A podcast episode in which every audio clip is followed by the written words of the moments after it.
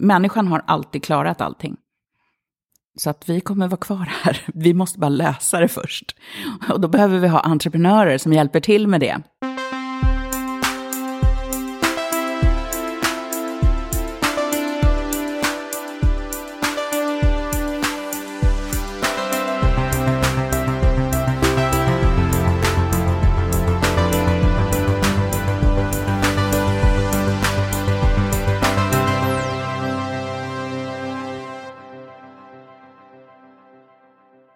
Då är vi tillbaka med Heja Framtiden. Det här är Christian von Essen från eh, Roslagsgatan 23 Kitchen Studio i Stockholm.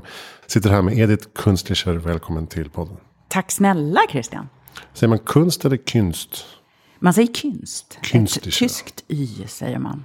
Mm. Kunstlicher? Okej. Det är många som inte vågar sig på mitt namn. Nej, ehm, precis. Jag heter ju Christian, inte Christian. Så det blir också så här bökigt. Von, inte von. Och så vidare. Ja, men då, då är vi två med krångliga namn då. Mm, lite så här tyskt påbrå någonstans. Vd grundare för en byrå som heter Edith K. eh, Efter ditt namn då. Och eh, även numera poddare med en podd som heter I huvudet på en entreprenör. Exakt. Så att vi är kollegor, det är kul. Och eh, vi har ju inte setts egentligen sen en kaffe eh, 2017. Åh herregud, har det gått så många år? Det är helt sjukt. När du hade, jag vet inte hur du hade fått nys om mig, men du hade något förslag på ett uppdrag. Som var lite över huvudet på mig. Det var något avancerat public affairs eh, jobb som jag bara, ah. Jag skulle medieträna och vd och sådär. Det var utan, utanför min eh, komfortzon kan man säga. Så kan det vara. Och då släppte vi den bollen och så pratade vi om annat. Och då sa jag att eh, jag ska starta en podd om framtidsfrågor och så. Och då sa du, ja men då borde du prata med uh, Mårten Skånman. Han håller på med så här poddar. Jaha, googlade upp honom. Han gjorde väl, eh, han sydde ihop poddar åt företag och så här. Så, någon slags producent. Och så såg jag på hans sida att han har precis startat en Facebook-sida som heter Heja Framtiden. Nu ska vi bara posta positiva nyheter och framsteg. Som motvikt till allt det andra dystopiska. Så jag bara, men det här låter ju för bra för att vara sant. Mejlade honom och sa, kan vi inte ta en kaffe och prata om, skulle man kunna göra en ren Heja Framtiden-podd? Ja, ja, absolut. Vi kör. Mm. Och det är ju det jag gör hela dagarna, ska du veta. Jag kopplar ihop människor hela dagarna. Eh, och det är ju fantastiskt. Och sen så sitter vi här flera år senare och vad ligger du på? En 200? Ja, 230 någonting. Nej, det är bara att gratulera. Jag har inte passerat 50 än. Vi, eh, jag tror vi ligger på 46 just nu. Eh, så att det är bara att gratulera. Ja, och då eh, tack för den introduktionen helt enkelt. Ja, varsågod. Och jag, jag skrev om det i min bok också. Hur sådana här eh, små, vad ska man säga? Alltså så här serendipity. När liksom saker bara sker. Inte så ödet, men lite som att man har, man har jobbat för det. Men plötsligt så sammanfaller, sammanstrålar liksom saker. För att när jag skulle träffa Mårten då samma dag så hade jag varit på möte på tidningen Vi och deras kundtidnings. Ehm, ansvarige som sa att kan inte du skriva en intervju med Mikael Dahlén om framtiden till KFs årsredovisning. Och så ja men jag- perfekt, jag ska precis starta en podd om framtiden. Så det går från det mötet ganska upprymd då. Och på vägen träffar jag en gammal klasskompis som säger Fan jag har slutat jobba och börjat daytrada. Jag har massa pengar. Eh, har du något kul projekt som jag kan investera i? Jag bara ja, det har jag. Du hade någon som slänger pengar efter det också. Ja, och sen träffar jag Mårten som säger, ja men självklart vi kör igång med podd. Jag har en komp- Tobias Wahlqvist har, eh, han har utrustning och kan klippa och vi har en vignett fixar vi och logga fixar vi. Så jag kände så här, det var en typ sån dag som man bara, ja men jag har tjatat om det här i två år. Men är det inte det man kallar för att man har ett flow? Ja, lite så. Och det är inte att man har, man har silversked eller glider runt på bananskal. Utan bara så här, det man har jobbat för lite hela tiden. Plötsligt så bara Eller så är det så att universum vill någonstans säga någonting. Ja, precis. Det kändes ju så. Sen var det inte så att han kastade pengar efter mig till slut. eh, Min gamla klasskompis. Men känslan i alla fall. Anywho.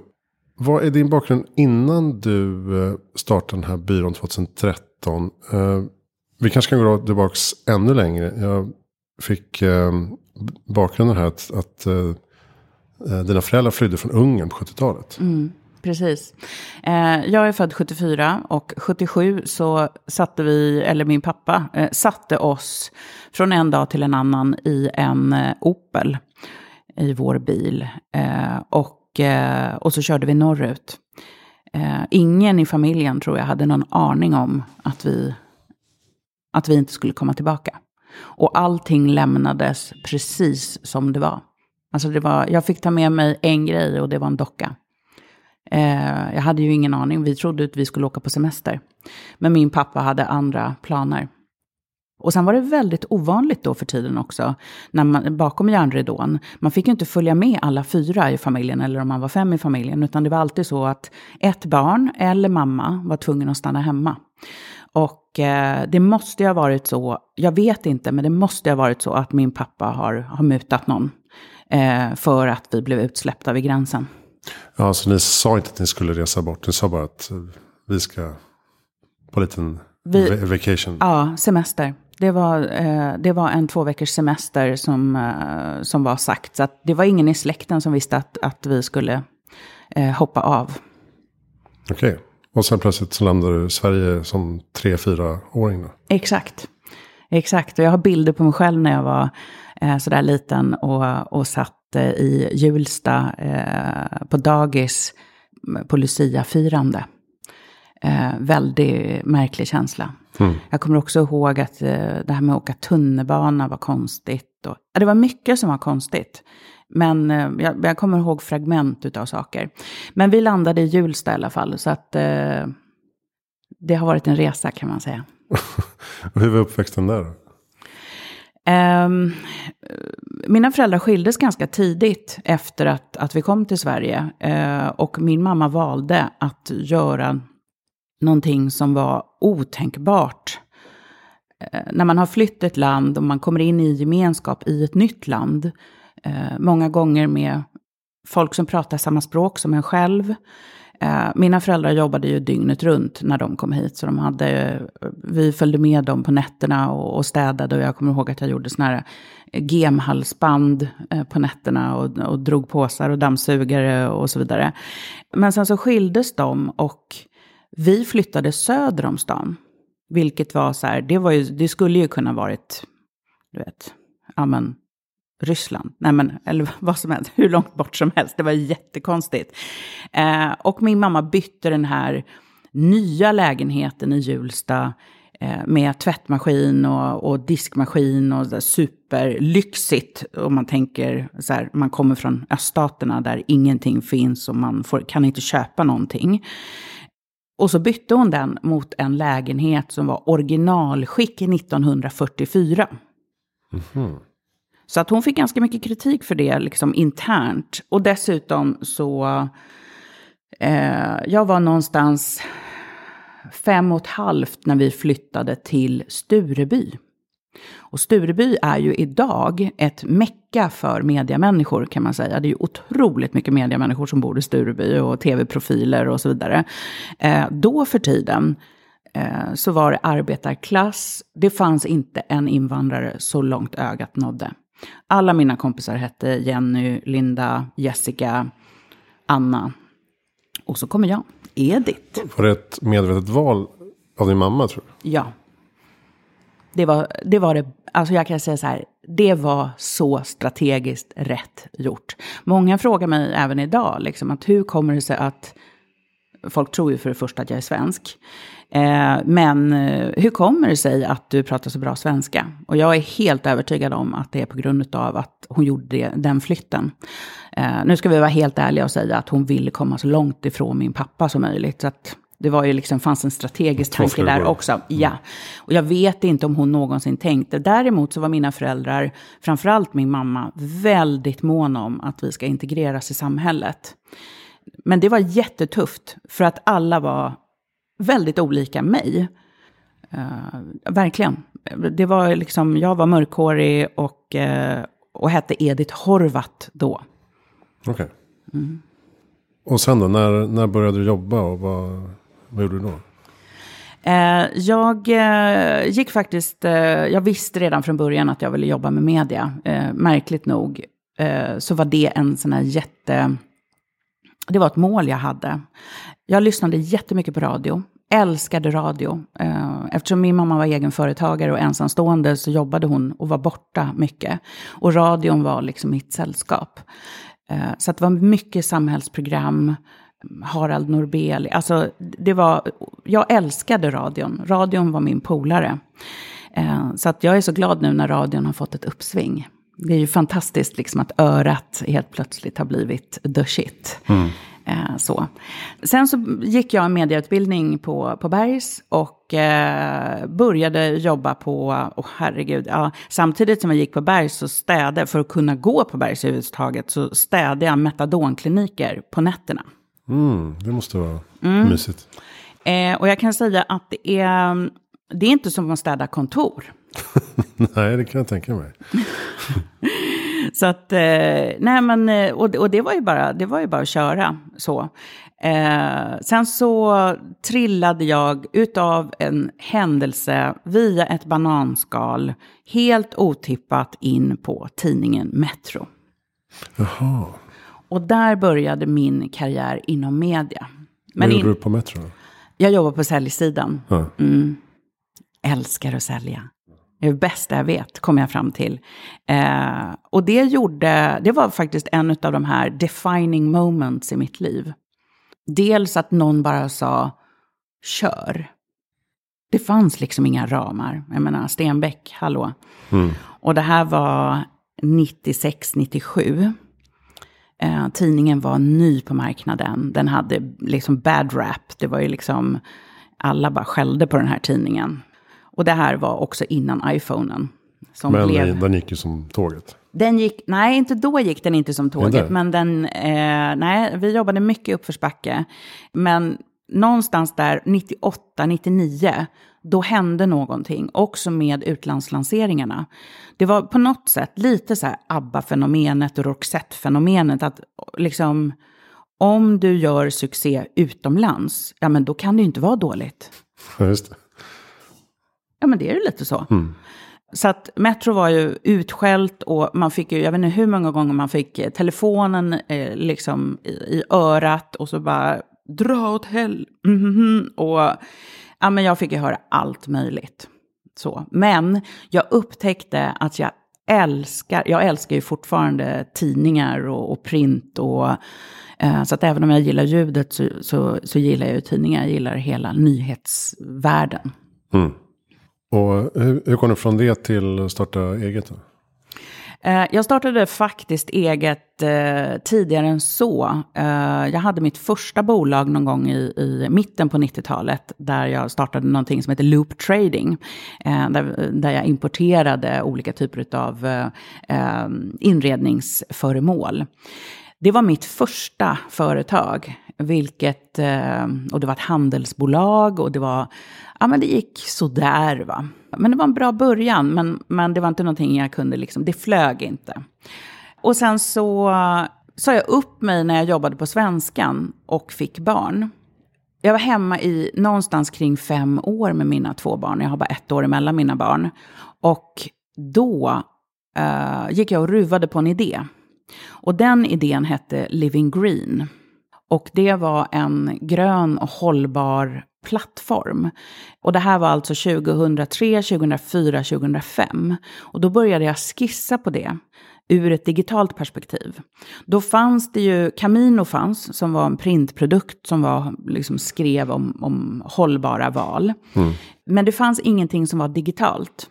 Och jag har alltid brunnit för det digitala redan från liksom, Alltså redan på 90-talet så var jag extremt intresserad när liksom internet kom och, och sådär. Inte för att jag är speciellt tekniskt intresserad utan bara den här kommunikationen tror jag. Så jag började bygga en plattform och eh, pitchade min idé egentligen, typ Draknästet, in i, eh, från Holsteins eh, eh, inkubator som heter iCube. Och kom med. Uh, de valde ut, jag tror att det var fem projekt av 200 som de valde ut. Eh, men det här, den här plattformen, det var ju både en medlemsklubb, det var en redaktionell plattform, det var en bloggplattform och det var också, vi delade ut Living Green Award på Kungliga Operan under tre års tid. Eh, plus att det fanns ett verktyg som jag utvecklade tillsammans med fantastiska miljöstrateger från Göteborg. Där vi helt enkelt satte, det hette Green Target, där vi helt enkelt satte mål för hur grön man kan bli under en viss period. Det här finns inte riktigt idag. Det finns fortfarande inte. Jag drev det här fram till 2012 när jag pitchade Living Green och hela den här plattformen med medlemsklubb och allting. Jag pitchade den till Aftonbladet, jag eh, pitchade den till Schibsted, jag pitchade den till Arla, Lantmännen, eh, Bonnier, Aller, you name it. Och alla var så här, ja, det gröna, alltså, det är inte så himla kommersiellt va?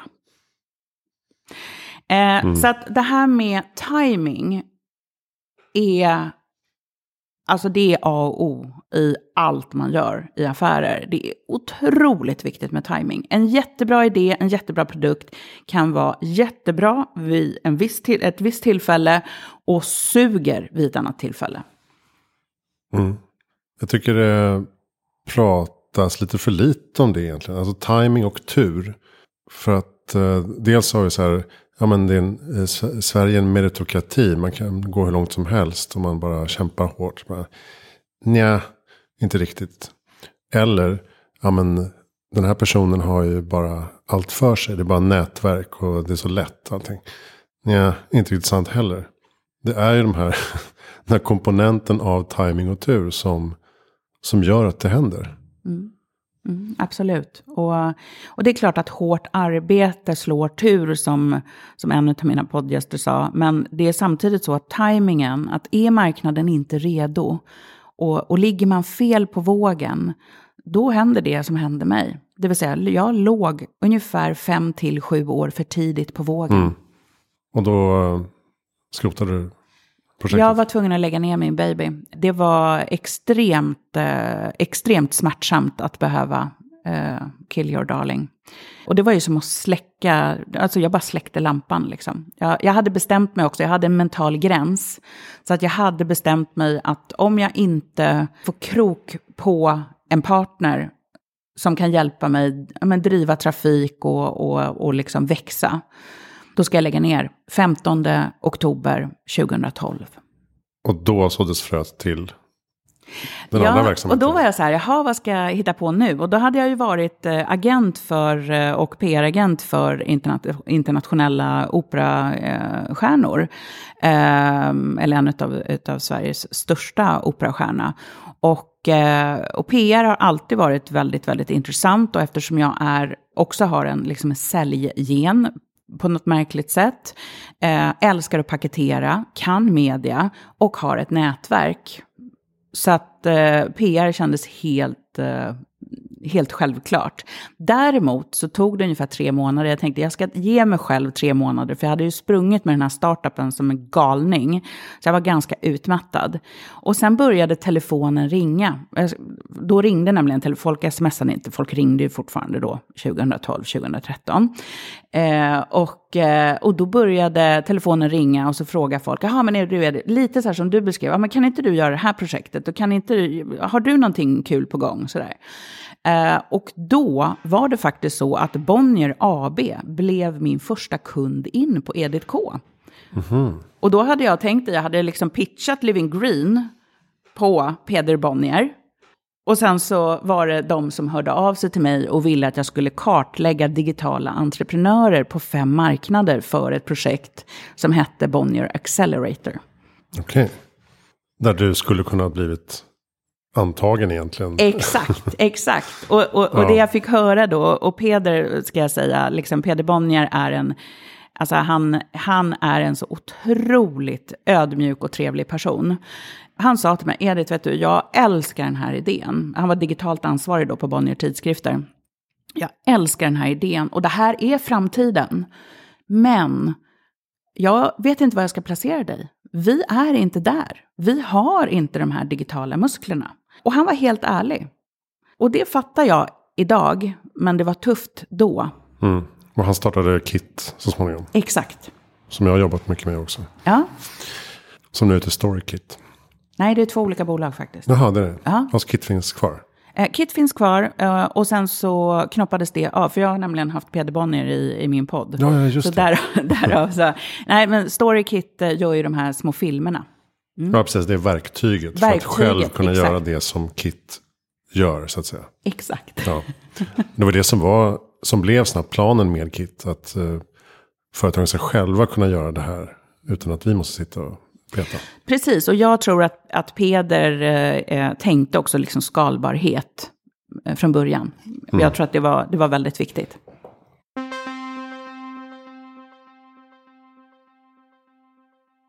Bra. Det, det var intressant. Vi har, vi har ändå kartlagt en del nu. Och ehm, du, du har jobbat, eh, antar jag, med traditionell PR, produkt-PR och så vidare. Men de senaste åren känns det som att du har fokuserat mer på person-PR och personligt varumärke. Ja, Jag gör nog hela bredden ska jag säga, men jag tror att vi är, alltså, vi är väldigt kända för person-PR. Dels för att vi, vi tänker verkligen 360 person-PR, så att det, vi kör inte bara liksom en fil, utan vi använder motorvägens alla fyra filer. Så att jag tror att vi är kända för det. Sen, eh, sen jobbar vi ju med, med liksom alla kategorier. Däremot så är det ju så att Edith K startade ju 2013. Men Influencers Agency, som är liksom vår lilla syster kan man säga. Vi flyttade in våra personliga varumärken där Ja, så var det. 2017. Just det. Mm.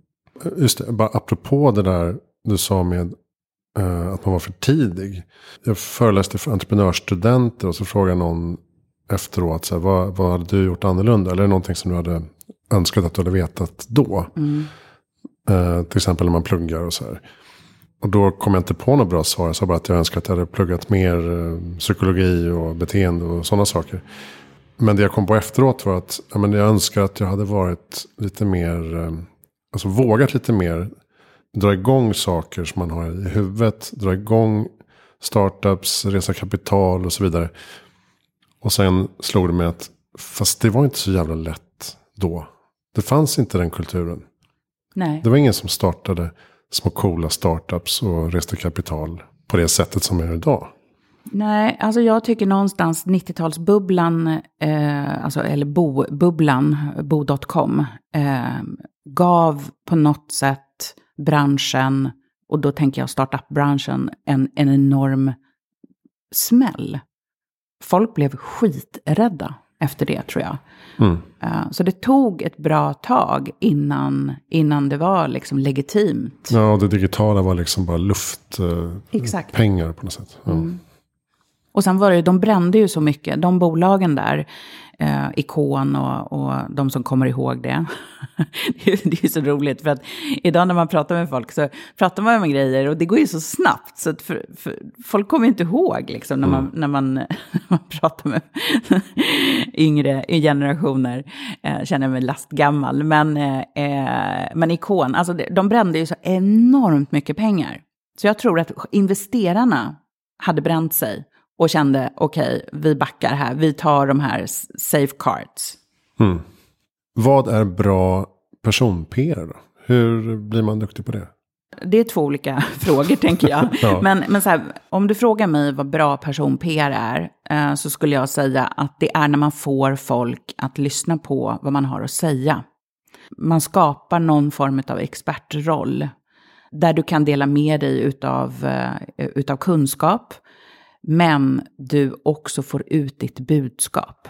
Ser du att det här blir allt mer relevant och viktigt i tiden som Absolut. kommer om vi ska gå in på framtiden? Mm, absolut, absolut. Alltså, eh, och det märker man bara på de här sista tre åren. Så har, eh, om man tittar på hur företag har börjat profilera sig, så ska jag säga att det är mycket vanligare idag att man profilerar en vd, en HR-chef eller en, eh, någon med en teknisk eh, kunskap, alltså att man profilerar sina anställda och det är inte bara employment branding, utan, utan många gånger så är det så att man jobbar med sitt personliga varumärke redan från början.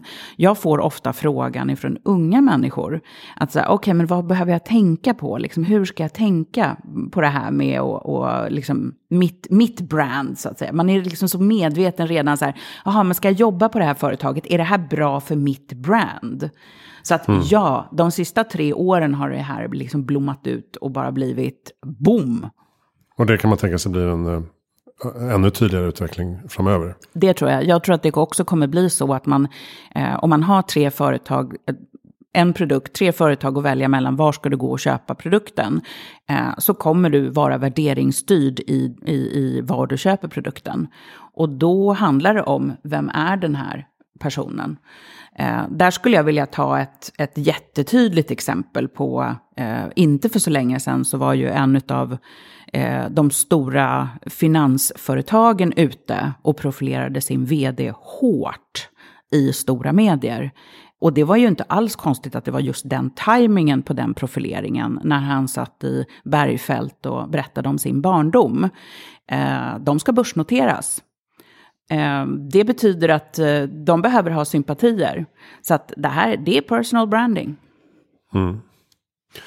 Och eh, under pandemin så eh, drabbades eh, byrån hårt och du eh, drog igång den här podden då i huvudet på en entreprenör. Varför blev det just en podd? Varför blev det just eh, entreprenörskap? Eh, jag har fått entreprenörskapet i modersmjälken. Båda mina föräldrar har varit entreprenörer. Eh, jag är oanställningsbar. Eh, kan man säga. Och eh, sen är det så att eh, jag blev skitförbannad. När jag satt, dels så hade jag ju covid i mars 2020. Men jag, eh, jag satt ju och tittade på de här presskonferenserna.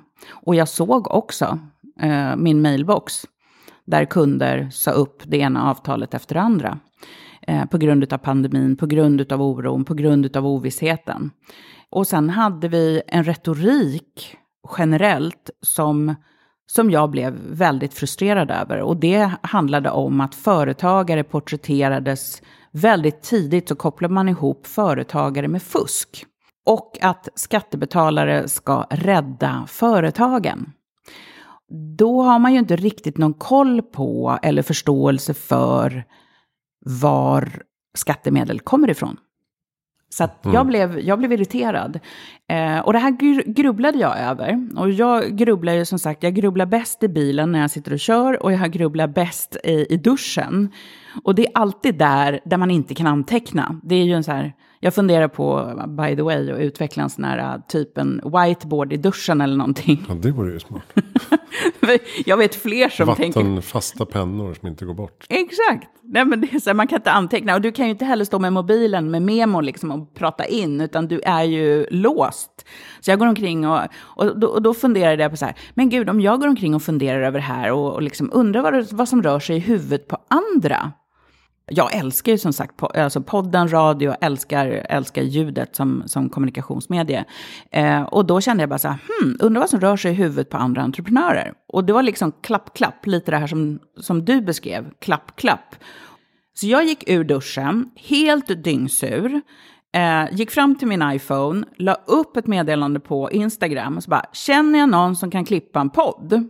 Ja visst, jag kände ju Mårten, men Mårten höll inte på med sånt längre. Så att då eh, fick jag svar. Och sen så när jag fick det så satte vi det på plats och lanserade i huvudet på en entreprenör på två veckor. Mm. Och då släppte jag tre avsnitt veckan innan midsommar 2020. Du har någon sponsor, du har Fortnox som sponsor till exempel. Ja, fantastiskt. Men vad har det gett eh, dig? Oj. Eh, det har gett mig kraft, det har gett mig... Eh, det, jag drivs ju jättemycket av nyfikenhet och, och, och lära mig mer. Så att det har ju gett mig, bara att möta de här människorna eh, och, och, och prata med tunga entreprenörer, erfarna entreprenörer, nyblivna. Eh, jag har ju poddgäster som är 23 år gamla och har startat bolag, vilket jag är så här, woo, yes! Eh, de är ju framtiden. Det bara är så. Mm. Och vi behöver ha fler 23-åringar, 21-åringar, 19-åringar, alltså som tänker, jag ska skapa någonting. Nu nämnde du att entreprenörer fick en eh, dålig stämpel i pandemin här. Men eh, generellt, alltså om vi tänker från då vår bakgrund på 90-talet. Så har ju ändå synen på entreprenörskap och entreprenörer förändrats supermycket. Ja, jag skulle säga att vi står på toppen just nu. Så att mm. apropå timing så vet jag inte om det kan vara bättre timing att starta en podd som heter så, som min gör. Eh, om vi nu ska ta igen lite timing där. Eh, men det, var ju, det hade ju inte jag någon tanke på när jag startade podden. Men, men om man tänker så här, hur många medieformat nu som kommer med entreprenörer och jag läste statistik nu senast att att varannan person under 19 år vill starta bolag. Vilket är, alltså jag tror aldrig jag har sett sådana siffror. Nej. Och var tredje vuxen person vill starta bolag om det går. Så att det finns ju enorma möjligheter. Vad tycker du krävs för att det här ska bli eh, verklighet då? Alltså vad kan man göra enklare och bättre för att få ännu mer företagande i framtiden? Eh, för mig så var det avgörande faktiskt att jag fick ett sammanhang. Entreprenörskapet är väldigt ensamt och Eh, jag tror att många stupar på ensamheten. Att man helt enkelt man saknar ett sammanhang. Och det här tycker jag att man ser mer och mer nu. Att det skapas communities. Jag menar, när jag startade Living Green 2007 så fanns det inte riktigt den här coworking-eran. Eh, där, där du kan sitta på ställen tillsammans med andra. Det betyder jättemycket. Eh, man, visst, man har sin grej, men man har ett nätverk och man har ett sammanhang.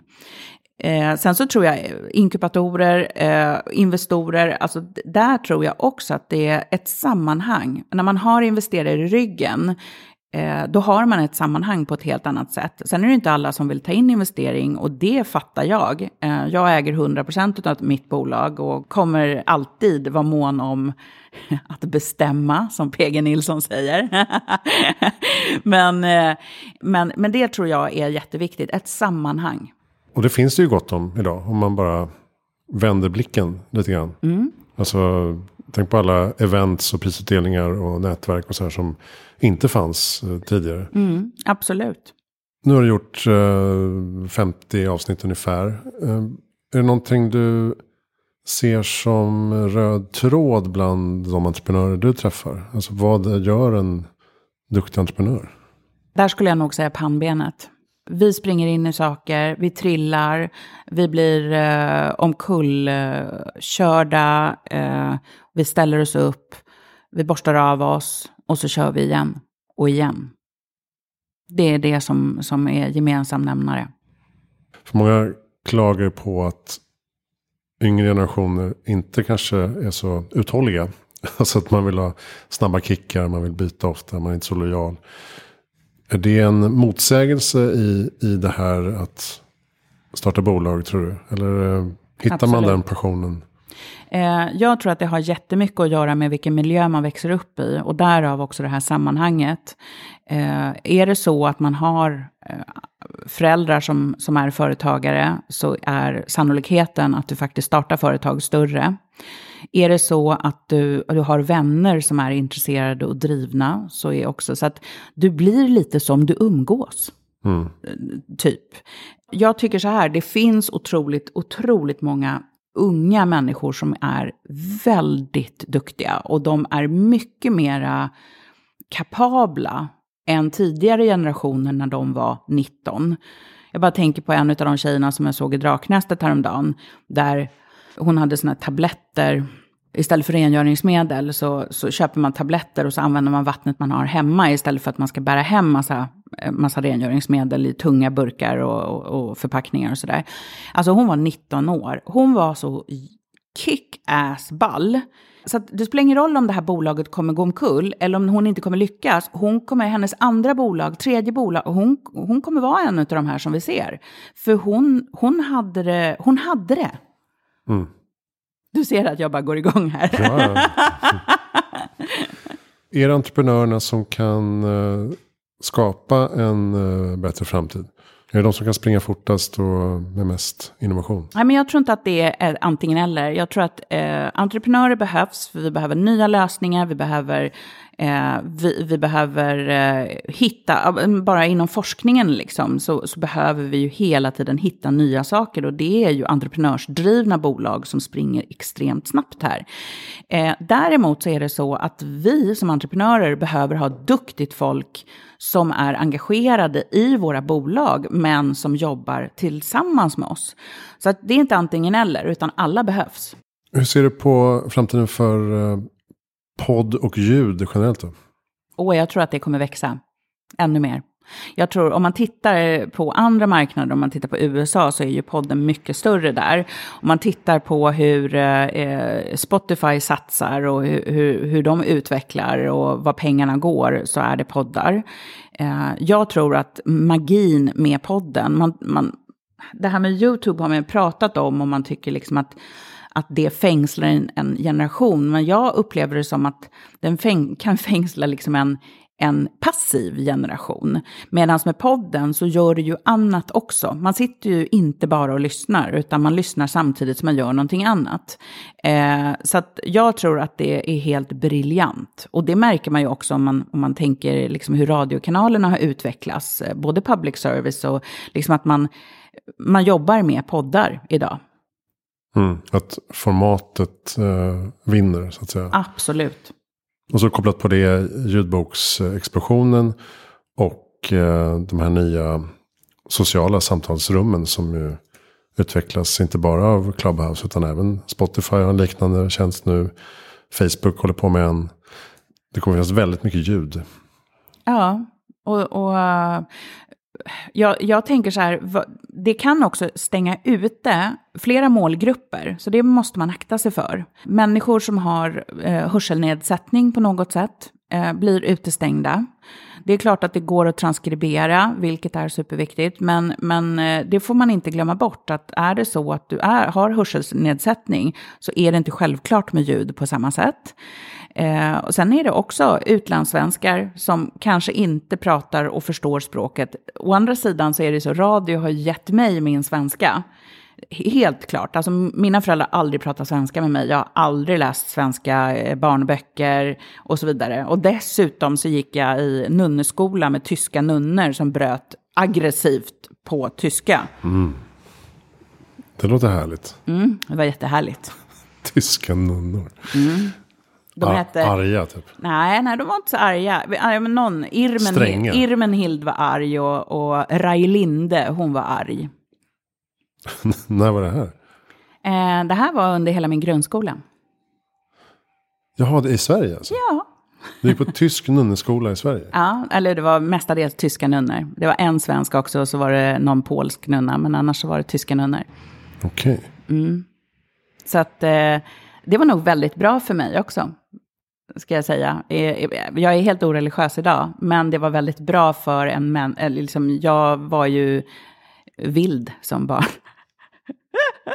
Du blev tuktad? Ja, jag, blev, jag och Amelia Damo, vi har, vi har samma erfarenheter. Jaha, det var katolsk eh, ja. skola. Ja. ja. ja, det är också en spännande pusselbit. Ifall man undrar. ja, precis. Eh, jag brukar fråga, vad är ditt bästa tips för att göra världen bättre i framtiden? Åh, jag måste bara säga så här att eh, snällhet är sjukt underskattat. Det är det som, är, eh, det är det som driver världen. Och eh, när du gör någonting för någon annan, då gör du någonting för dig själv. Så att, eh, snällhet. Mm. Hur, hur lirar det med eh, det här personliga varumärket och bygga expertis? Och Vissa menar ju att man kanske inte ska vara så jävla snäll hela tiden. Jag tycker man ska vara genomsnäll. Ja, jag tycker också det. Nej, men på riktigt. Jag mm. tycker man ska vara genomsnäll. Eh, det betyder inte att man är dum. Snäll betyder inte dum. Snäll betyder att man är Eh, man, man ser det goda i andra, nu låter jag helt jävla religiös, men det är jag inte. Men, men eh, snällhet är att man går en omväg för någon annan. Har du bra lästips eller poddtips? Ja, men då måste jag nog, eh, jag måste säga så här, jag är helt hooked på P1 och, och P3-poddar. Eh, liksom framförallt dokumentärer skulle jag säga. Det, det, jag, det går hos mig hela tiden. Det är nästan så här så de hinner inte släppa grejer för att jag är så här, okej, okay, men nu har jag ju lyssnat på allting. Allt från så här, terrorister till eh, ensamstående mammor till, ja, det, du får liksom en inblick i eh, massor med eh, världar. Mm. Jag bara sticker in med så här, hur ser du på framtiden? Alltså, har du en, eh, har du en ljus bild av framtiden? Eller är den problematisk? Det där är så otroligt svårt att svara på. För att jag har ju, jag har ju två barn som är 17 och 18 år. Och eh, jag måste tro på framtiden. Men samtidigt så, jag, ibland så känner jag så här, oh, Hans Rosling, bara, bara allt är förlåtet, kom tillbaka. För att vi behöver ha folk som nyanserar skiten. För att vi hör så mycket skit hela tiden. Och jag fick en fråga från min son som är 17. Som frågade mig, mamma, är det så att det är mycket värre nu än det var tidigare? Är världen värre? Är det mer krig? Är det mer konflikter? Och jag tror inte att det är så. Verkligen inte. Jag tror inte alls att det är så, men jag tror att vi blir matade med det. Och apropå alla de här skjutningarna, det första man hör när man, när man vaknar mer eller mindre varannan morgon är ju de här skjutningarna. Men jag menar, ja absolut, men någonstans behöver vi nyansera det och också titta på ett långt perspektiv. Och det tror jag folk inte gör. Nej, det är väldigt mycket, även, även i politiken tycker jag, väldigt mycket här och nu. Vilket är ganska ointressant. Alltså det är ganska svårt att göra någonting åt att det har skett en skjutning. Mm. Vi går inte in på politik. Nej. Nej. Nej, jag menar bara generellt att vi behöver mer liksom, långsiktiga framtidsvisioner som är breda mm. och tar flera perspektiv i, i beaktande. Absolut, och lite mer snälla människor. Ska vi se mm. att det går bra. var, var snäll, helt enkelt. Uh, vem tycker att jag ska intervjua? Jag skulle nog säga att du, uh, jag hade velat höra Alice uh, Tudrescu. Uh, för att jag vill höra hur hennes bild av ett fram, framtida samhälle ser ut. Det hade jag tyckt var skitspännande. Apropå liksom, okej okay, nu ska vi inte gå in på politik och, och så vidare. Och så vidare. Men, men, eh, men det tror jag. Alternativt en ung person, en random 18-åring och bara så här, okej, okay, hur ser du på framtiden? För återigen, min, jag hör ju det här från mina barn och, eh, och vi behöver lyssna. För det är deras framtid, inte bara gällande hållbarhet utan liksom fler frågor. Jag är lite rädd att många unga får den här bilden av att eh, allt är på väg att gå åt helvete. Mm. Och då finns det inte så mycket att jobba för. Eller, eller då, då är det lätt att tappa hoppet. Mm. Helt... När, när det inte är sant, helt enkelt. Nej, nej, nej. Ja, långt perspektiv också. Hans Rosling. Men jag, jag är helt... Människan har alltid klarat allting. Så att vi kommer vara kvar här. Vi måste bara lösa det först. Mm. Och då behöver vi ha entreprenörer som hjälper till med det. Och det framtida med entreprenörskapet är cirkulära affärer. Det är liksom det som kommer krävas i allt framtida eh, företagande. Så det cirkulära kommer gå om, eh, hur mycket omsatte du? Mm. Utan det kommer vara, hur cirkulär är ni? Det var bra avslutande ord, tycker jag. Eh, det cirkulära entreprenörskapet kommer vinna i framtiden. Tack snälla Edith för att du kom till Heja Framtiden. Tack snälla du. Eh, edithkpr.se Eh, där hittar man information om vad ni håller på med. Och vad heter den andra byrån? Influencer? Influencers Agency. Just det. Precis. Och sen i huvudet på en entreprenör.se. Just det. Och där poddar finns. Eh, Hejaframtiden.se hittar allt om mina projekt och Heja Framtidens tidigare intervjuer. Eh, jag släpper en ny bok i oktober som heter Nu fattar jag. Tillsammans med poddaren Henrik Smålak från Under 15. Där vi förklarar lite om digitala trender och eh, vad som händer med dem i framtiden. Ja, det var väl allt egentligen. Tack för att du lyssnade.